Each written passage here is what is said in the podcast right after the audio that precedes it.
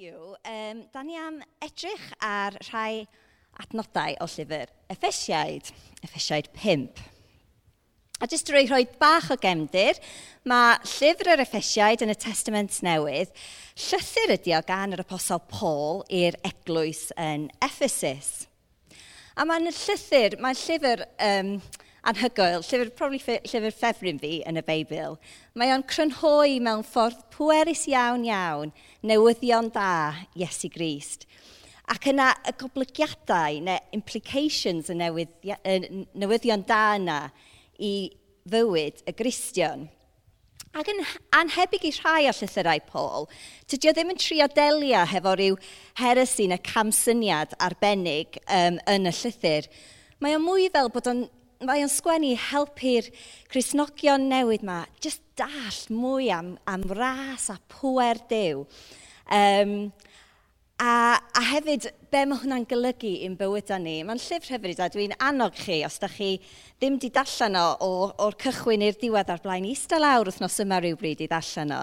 Um, Cys mae o'n, mae on hyfryd. Ac yn y penod pedwar penod gyntaf yn y llyfr, mae, mae Paul wedi gwario lot amser yn, yn sgwennu am ras diw, am waith Iesu ar y groes. Mae o'n neud yn glir iawn bod dim byd a'n ni'n gallu neud i, um, yn yn hunan i'n gael yn i achub. Mae o gyd o be mae Iesu wedi wneud ar y groes. Da ni'n cael ein achub trwy ffydd, dim trwy gweithredau. Ond mae'r llyfr yn mynd ymlaen i disgrifio y ffordd mae Dyw eisiau ni fyw. So mae'n yna bach o paradox. Da ni'n cael ei achub trwy'r ffordd da ni'n byw, ond mae ar ôl cael yn achub, mae Dyw eisiau ni byw mewn ffordd arbennig, ffordd gwahanol. A mae'n bwysig cael yr ordo hwn yn, yn iawn. Da ni sôn heddiw am um, rhai o'r pethau da ni'n neud. Mae'r pethau yma ddim yn, yn helpu ni cael yn achub. Mae just ffydd yn Iesu sy'n neud hynny. Ond da ni'n sbio heddiw yn hwyrach ymlaen yn effesiaid, be mae Dyw yn disgwyl i ni wneud e, o galyniad o'r achubiaeth yna. So, gadi ni ddarllen yr er adnodau yma o Ffesiaid 5 gyda'n gilydd.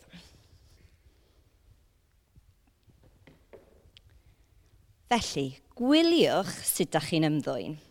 Peidiwch bod yn ddwl, byddwch yn ddoeth.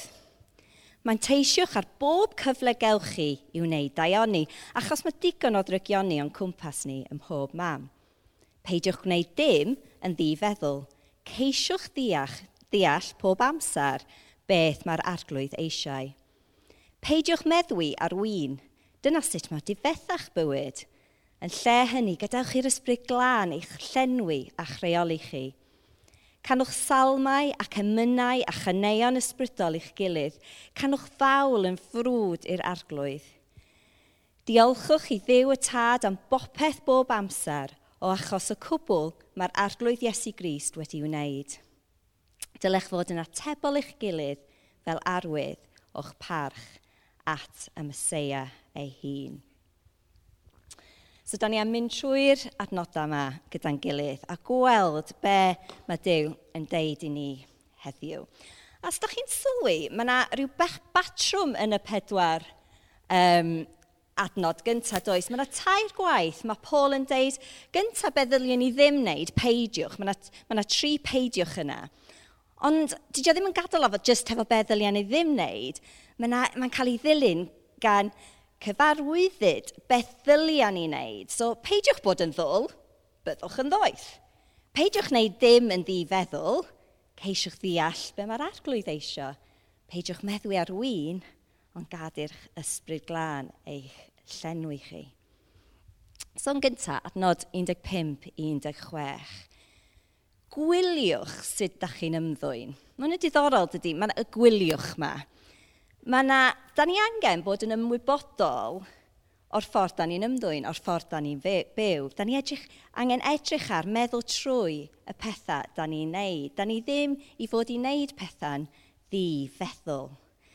Mae'n deud byddwch yn doeth, a mae hwn yn, mae'r doethineb yna yn effeithio'r ffordd da ni'n byw. A dwi'n caru hyn, mae doethineb beiblaidd yn doethineb ymarferol.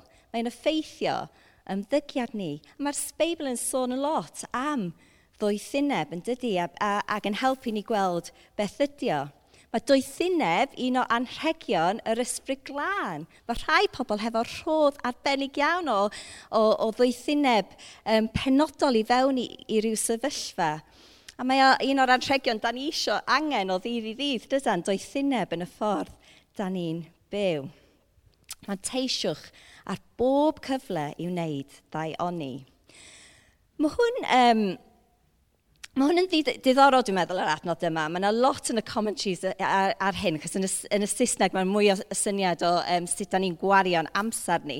A dwi'n meddwl bod yna intentionality glir yn yr adnodau yma. Da ni angen um, disgyblaeth yn sut da ni'n gwario'n amser ni. Da ni angen bod yn ddoeth yn y ffordd da ni'n gwario'n amser ni, Mae'n teisio ar bob cyfle.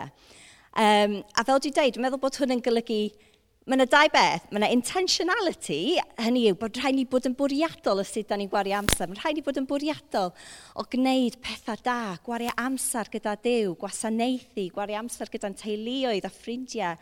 A hefyd gorffwys a cael cyfle i dathlu. Mae hyn yn gyd yn pethau da.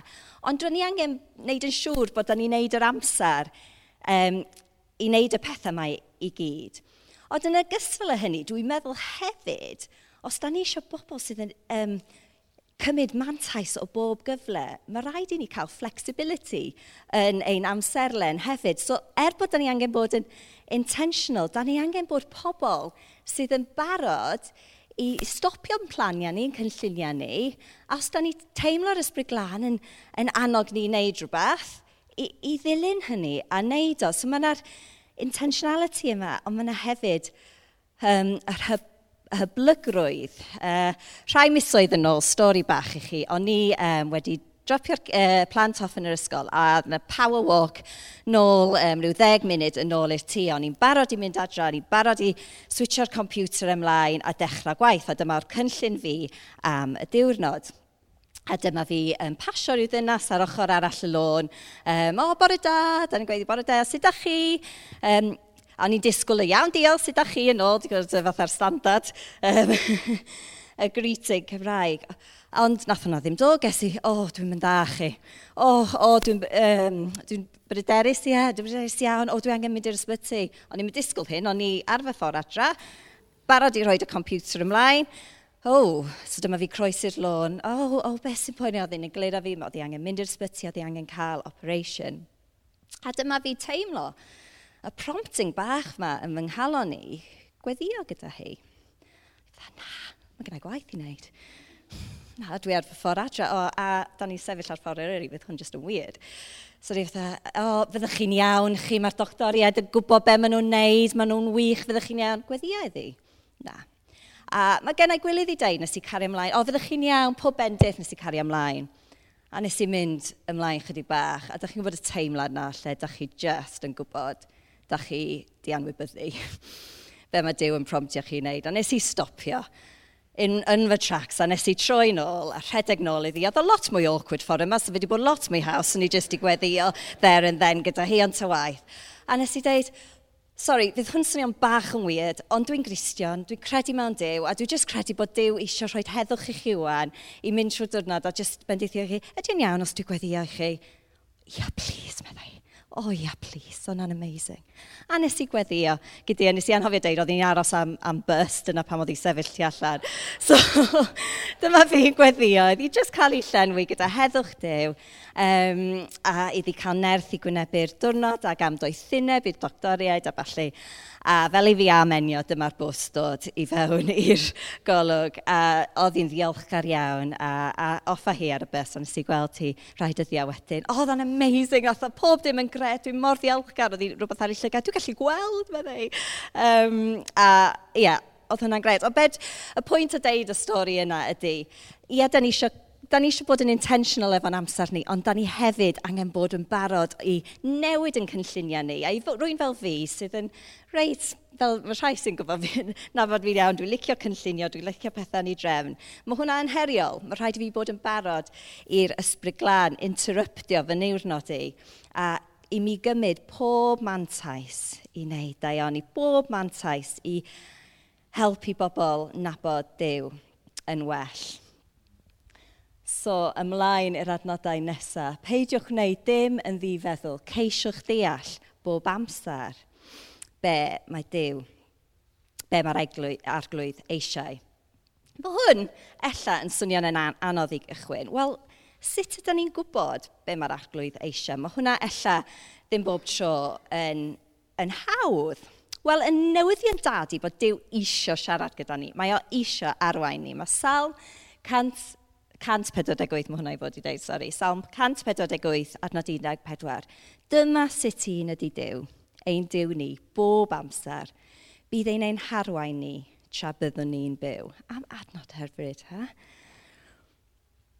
Nawr, dwi yn hoples gyda cyfarwyddiadau, okay? does gen i ddim sens o direction o gwbl. A dwi hefyd yn tueddu bod eitha ar y deg i um, dal i fyny hefo dat y datblygiadau technegol. So, Oedd Martin di trio perswadu fi ers blynyddoedd i defnyddio Google Maps, okay? a o'n i fatha, na, sori, sgan i ddim y headspace i fatha trio gweithio allan sydd wedi defnyddio fo, dwi am cario ymlaen sydd ydw i, a wedyn o'n i'n ffonio fo eto, Martin dwi ar goll, a mae fel, lle wyt ti? O, dwi ddim yn gwybod, a oedd o just fatha tro ar ôl tro, a wedyn nes i penderfynu cymryd y plunge, so nath ni bwcio i fewn amser i cael tutorial Google Maps, a nath y parati a dau funud, cos mae'n actually really hawdd yn di. A dyma fi, darganfod Google Maps a wow, game changer i fy mywyd i. Dwi ddim yn mynd ar goll yn mwy, mae'n amazing. Wel, dwi'n dal weithio ond, you know, ar y cyfan. A dwi'n clywed, dwi'n cyf... i rwy fel fi sydd really yn ffindio fan anodd, fel lle dwi'n fynd, dwi'n clywed y pimp gair hyfryd na. You have reached your destination. I mean, mae just yn... Pob tro dwi'n clywed y geiriau yma.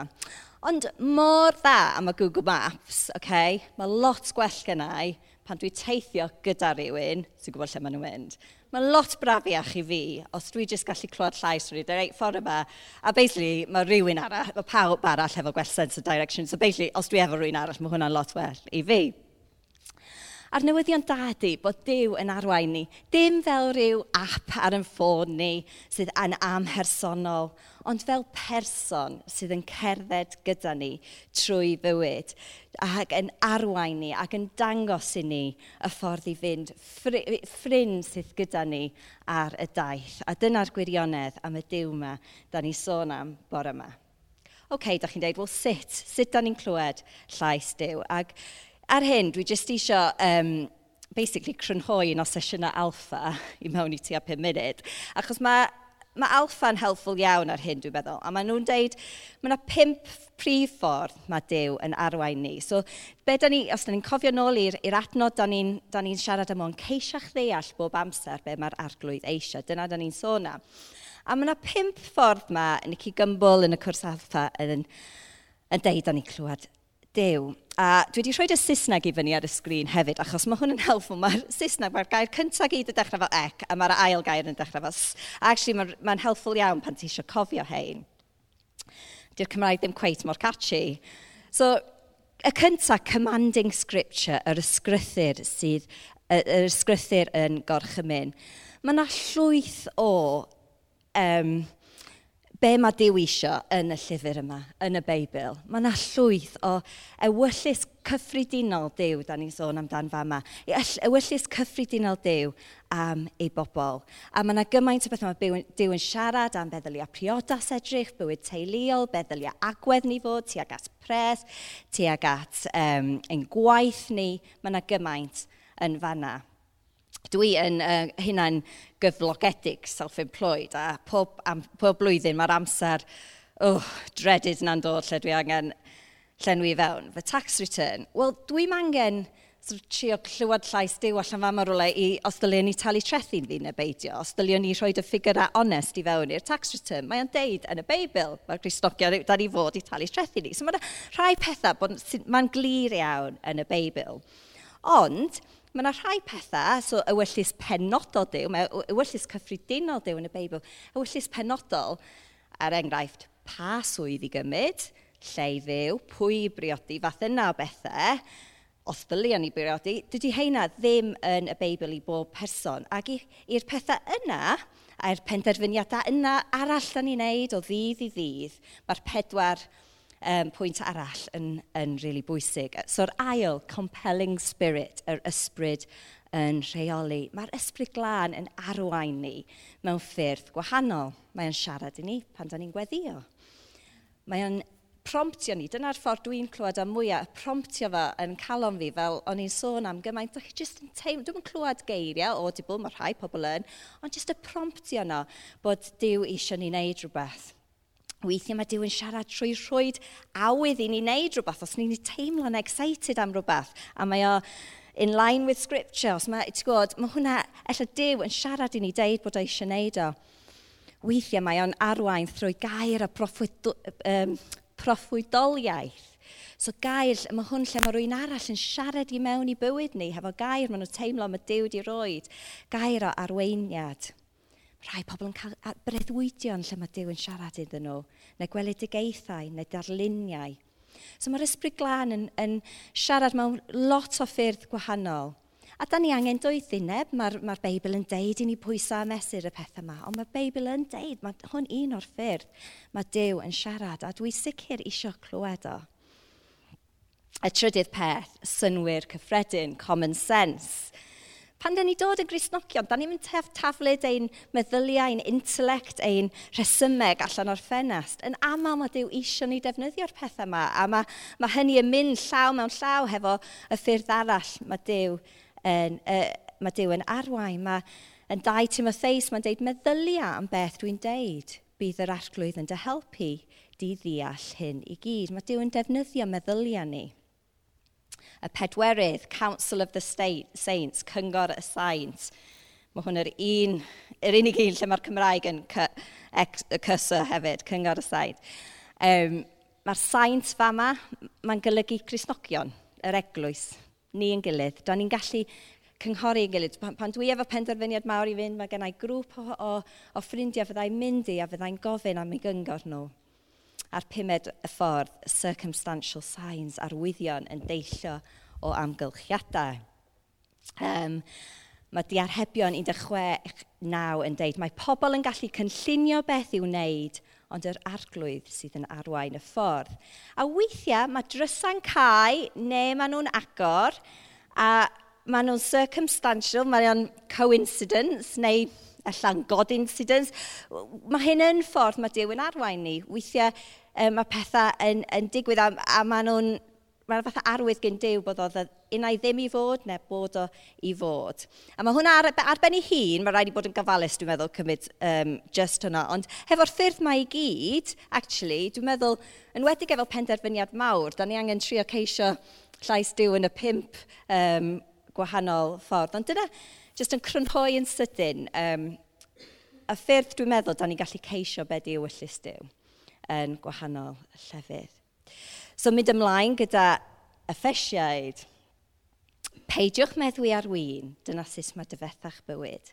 Yn lle hynny, gadewch i'r ysbryd glân eich llenwi a'ch rheoli chi.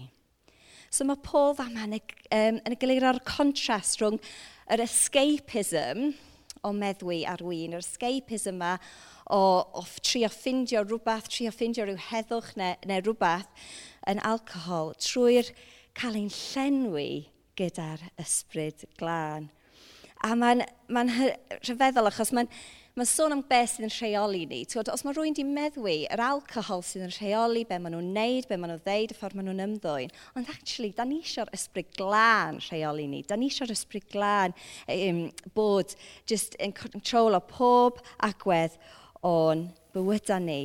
A yr ysbryd glân ydy'r unig peth gallu thrwyd y heddwch, yr hyddhad, um, na mae pobl yn edrych am, uh, dydy alcohol ddim yn gallu gwneud hynny.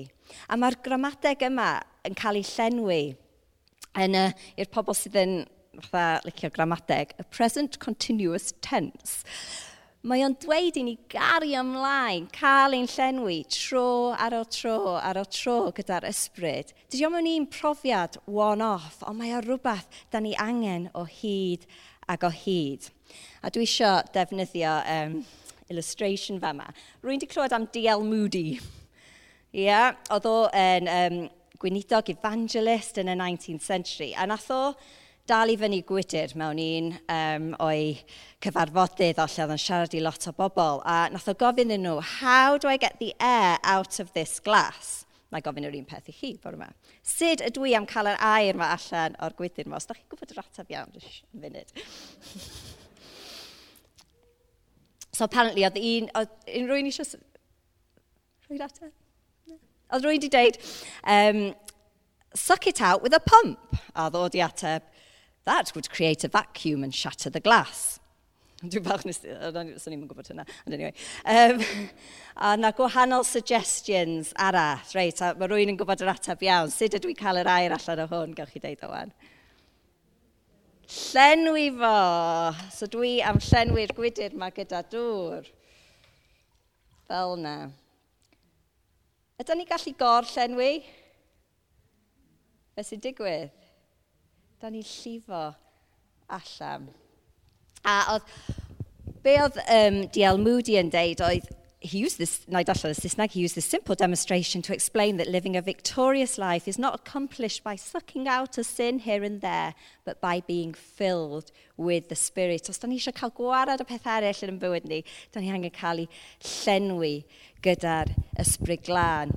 Alla, da chi'n meddwl, wel, ydyn ni'n gallu cael i gorllen wy, beth sy'n digwydd pan da ni'n llawn? Wel, da ni'n cario ymlaen, present continuous tense, da ni'n cario ymlaen cael i llenwi. Ac wrth i ni cael yn llenwi, da ni yn llifo allan gyda'r um, llifo'r ysbryd glân allan i fewn i'n teuluoedd a cymunedau ni. Yn Iowan 7, um, mae'n deud hyn. Ar uchafbwynt yr wyl, sef y diwrnod ola, dyma Iesu yn sefyll ac yn cyhoeddi yn uchel – os oes syched ar rywun, dylia ddod i yfed ata i. Mae'r ysgrifau sanctedd yn ddweud bydd thrydiau o ddŵr sy'n rhoi bywyd lli, yn llifo o'r rhai hynny. Sôn am yr ysbryd glân oedd o. Roedd y rhai oedd wedi credu ynddo yn mynd i dderbyn yr ysbryd yn nes ymlaen. Wel, da ni byw yn yr oes lle mae'r ysbryd wedi dod, da ni wedi mae o yma i ni dderbyn, da ni wedi derbyn. A felly wrth i ni derbyn a cael yn llenwi fel y gwydr na, mae ffrydio o dŵr um, sy'n rhoi bywyd yn medru llifo ohono ni oherwydd gwaith Dyw, oherwydd gwaith Iesu. Fyddai'n dod nôl i'r sut da ni'n cael ei llenwi mewn chydig munudau, ond dwi jyst eisiau cario ymlaen, mynd trwy yr adnoddau i edrych am effaith y llenwi yma ar yn bywydau. Canwch salmau ac ymynau a chyneuon ysbrydol i'ch gilydd. Canwch bawl yn frwd i'r arglwydd. Wel, Be di hwn yn sôn am? Jyst i dweud, mae'r ma, bit nesaf sy'n dilyn a'r ffordd mae wedi sgwennu eto i'r rhai sy'n hoffi gramadeg, mae nhw'n rhanggymeriad. Mae yna pedwar rhanggymeriad neu participle. A mae hwnna'n golygu, mae o'n dilyn, mae'r ma, llenwi yma gyda'r ysbryd blaen, uh, glân yn dilyn ymlaen i'r pethau yma. Mae'r pethau yma'n dod o'r llenwi. So'r gyntaf yma, canwch salmau y cyneuon i'r gilydd. Be mae hwn yn golygu? Wel, dydy o ddim yn golygu da ni'n dechrau dod fel rhyw opera singers yn fatha canu yn gilydd a mynd i gofyn am panad, Lori, gai coffi, please? A diwedd y gwasanaeth, er, sa hwnna neis iawn, fysa Lori. Na, mae hwn yn cyd-destun, addoliad.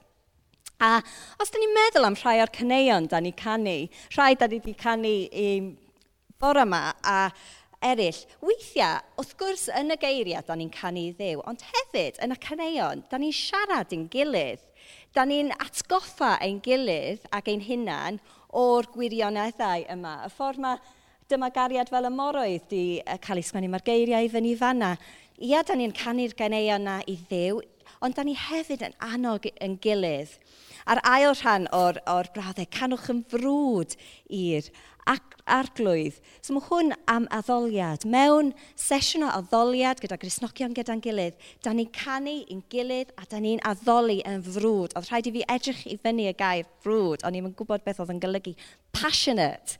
Yda ni'n canu yn passionate i ddew. Dyna mae'r ysbryd glân yn helpu ni i wneud. A di hwn ddim necessarily am arwyddion allanol, mae o am calona ni. Yda ni Mae'r ysbryd glân yn helpu ni ganu yn passionate i Dyw um, pan da ni'n addoli fo. A mae hefyd, mae o'n helpu ni ddiolch. Pa, pan da ni'n cael i um, llenwi gyda'r ysbryd glân, da ni'n ma, ma, da ni diolch. Mae, ma Paul yn deud diolch ar, diolchwch i ddew y tad am bopeth bob amser.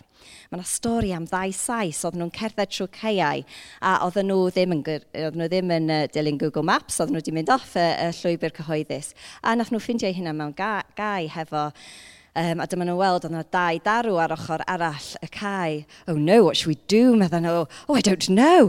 A wedyn dyma'r dau darw, mae dechrau rhedeg at nhw do something, do something. Oh, what shall I do? Well, pray, meddwl un o'n nhw, pray. I've never prayed in my life, meddwl, what, what, what am I supposed to say? Pray anything. A dyma'r dyn ma'n meddwl, oh, be di gweddi dwi di clywed? Oh, oh be dwi am dweud? For what we are about to receive, may the Lord make me truly thankful. wrth gwrs, mae rhaid, actually, mae yna ma, ma pwynt serius yma. Diolchgwch chi ddiw y tad am bob peth bob amser. Dwi'n meddwl da ni fod i cymryd y geiriau na'r llythrenol. Os da ni cael ei gwenebu gyn dau darwyd o data ni, da ni'n diolch i ddiw da ni gofyn am help. A hefyd, mae rhaid allan pob adnod o'r Beibl yn cyd-destun y Beibl i gyd. Mae hwnna'n really bwysig. A mae yna pethau yn amlwg sydd ddim yn y wyllus Dyw. Mae yna pethau sy'n digwydd sy'n torri calon Dyw. A dwi'n meddwl da ni fod i diolch am y pethau yna. Am, am um, tywod, canlyniad pechod a canlyniad peth ofnadwy sy'n, sy digwydd. Dwi'n meddwl mae Dyw yn gofyn i ni diolch am pethau yna, ond fedrwn ni diolch bod Dyw yn dda yn y sefyllfaidd yna. Fedrwn ni diolch bod Dyw yn, yn ffyddlon ac, yn, a gyda ni a gallu dod a dda allan o bob un sefyllfa. So dwi'n meddwl be mae'r um, fel dwi'n deud, dydyn nhw'n llythrenol, be mae'r adnod yma deud ydy fel Cresnogion, da ni fod i cael agwedd sydd yn ddiolchgar, agwedd sydd yn llawen, a, a ddim grymblo cwyna, a pob, er bod pethau'n rili really anodd, da ni'n gallu diolch i ddiw am ei ddioni yn canol y pethau anodd. Ac yna um, y pedwerydd uh, uh, gorchymyn, yna'r pedwerydd participle sy'n dod allan ydy wneud hefo um, perthnasau ni, dylech bod yn atebol eich gilydd fel arwydd o'ch parch at y Mesoea ei hun. A wedyn, os da chi'n darllen ymlaen i, yn effesiaid, mae o'n egluro lot mwy am yr um, perthnasau i fewn prodas, i fewn teulu, ac wedyn i fewn yr eglwys. So, um, ond nawn ni stopio, stopio fanna. So, pwynt ydy bod y llenwi yma o'r ysbryd glân yn arwain i newid yn ein perthnasau ni, i newid yn ei agwedd ni, yn newid yn ei calona ni. Ac, um, a maen nhw'n pethau hyfryd. So cyn i ni orffen, dwi eisiau just sbio chydig bach mwy ar y syniad yma o cael yn llenwi gyda'n ysbryd glân. Mae pob Cristion gyda'r ysbryd glân. Okay? Os da chi wedi rhoi eich bywyd i ddew, mae'r ma ysbryd glân gyda chi. Chos mae'n deud yn Effesiaid 1, 13, wrth ddod i gredu ynddo, cawsoch chi marcio gyda sel sy'n dangos eich bod yn perthyn iddo. A'r sel hwnnw ydy'r ysbryd glân oedd wedi atho i chi. Mae'r ysbryd glân gyda ni pan da ni dod yn grisnogion. Ond mae'r Beibl yn hefyd yn sôn am y busnes yma o cael yn llenwi. Mae hwn yn rhywbeth gwahanol. A mae o rhywbeth Mae diddorol dydy, mae oedd adnod 18 os da chi'n cymryd, uh, cofio, doedd ddim yn awgrymu i ni'n cael ei llenwi, gadewch. Gadewch i'r ysbryd glân eich llenwi chi, mae yna gorchymyn yna i ni wneud hyn. Mae actau 2 dwi'n meddwl yn helpful i ni just sbio ar yn sydyn iawn. So yn actau 2, yn y cychwyn y penod yma, mae'r Pentecost, mae'r ysbryd glân yn dod mewn ffordd pwerus iawn. Um, adnod pedwar, o penod 2. Dyma pawb yno, oedd y, oedd y credinwyr yn, yn aros yn y stafell yma, oedd Iesu wedi wneud, deud i nhw wneud hynny. Dyma, um, dyma pawb oedd yna yn cael ei llenwi ar ysbryd glân ac yn dechrau siarad mewn ieithoedd eraill. So dyma pan oedd ysbryd glân dod mewn pwer um, ar uh, yr eglwys cynnar. Ond os da ni sbio chydig bach ymlaen yn penod pedwar, 8, cofiwch ar ôl Pentecost, oedd Pedr wedi mynd allan, oedd 3,000 o bobl wedi dod yn Grisnogion yn syth. A wedyn, chydig bach ymlaen, mae'n deud dyma Pedr wedi lenwi ar ysbryd glân, so llenwi eta yn ei hateb, da, da, da, da. Ac yna, chydig bellach yn penod 4, adnod 31, mae'n deud, ar ôl iddyn nhw weddio, dyma'r adeilad lle roedden nhw'n cyfarfod yn cael ei ysgwyd. Dyma nhw'n cael eu llenwi efo'r ysbryd glân ac roedden nhw'n cyhoeddi... Sorry, dyma nhw'n cael eu llenwi eto ar ysbryd glân, mae hwnna'n bwysig, eto ar ysbryd glân, a roedden nhw'n cyhoeddi neges Dyw yn gwbl ddi ofyn. So, o, dyna Pedr mewn un penod i cael tair gwaith o cael ei llenwi, ie? Yeah? So mae hwnna'n, um, a meddyliwch am fe nath, o, fe nath o o'r ganlyniad o cael y llenwi fel yna. So mae yna mae yna yn yr ysgrythyr y, y syniad mae Grisnogion cael ei llenwi ac ail lenwi a, a eto eto. Sut ydym ni'n cael ei llenwi felly? Wel, dwi eisiau siarad am dau ffordd bod yma. Y ffordd gyntaf, dwi'n meddwl, ydy ei fuddod. Wrth i ni ildio yn dyddiol i Iesu a gadael iddo cymryd rheolaidd o bob rhan o fywydau ni, wrth i ni dod â bob rhan o'n bywyd ni i fewn i lein hefo be mae Iesu yn gofyn, dwi'n meddwl mae'r ysbryd glân yn llenwi ni. Wrth i ni byw allan yn ffydd, wrth i ni fod yn ifydd iddo fo, mae o'n llenwi ni mwy a mwy. A mae yr, y Beibl yn deud, Effesiaid pedwar, peidiwch brifo teimladau ysbryd, ysbryd glân Dyw. Pan da ni'n deud na i'r ysbryd glân, pan da ni'n dewis rhywbeth, wel, pechod pan da ni'n dewis i deud na, pan da ni'n dewis i gadael rhywbeth arall rheoli ni, dwi'n meddwl da ni'n brifo teimladau um, yr ysbryd glân. Ond hefyd mae'n deud yn un Thessaloniaid, peidiwch bod yn rhwystyr i waith yr ysbryd glân. Da ni gallu rhwystro gwaith yr ysbryd glân. Am hwnna i grisnogion, mae o'n sgwennu fanna. Um, a, a felly mae yna dewis i ni, ydy ni am bod yn agorad a, a ildio i'r ysbryd glân yn ein bywydau. A'r ail um, ffordd, dwi'n meddwl mae'r ysbryd glân yn dod a'r ffordd da ni'n cael ei, ei llenwi, ydy trwy gofyn i'r ysbryd glân dod a'n llenwi ni trwy gweddi. Yn lyc 11, mae Iesu yn siarad a mae Iesu yn deud hyn.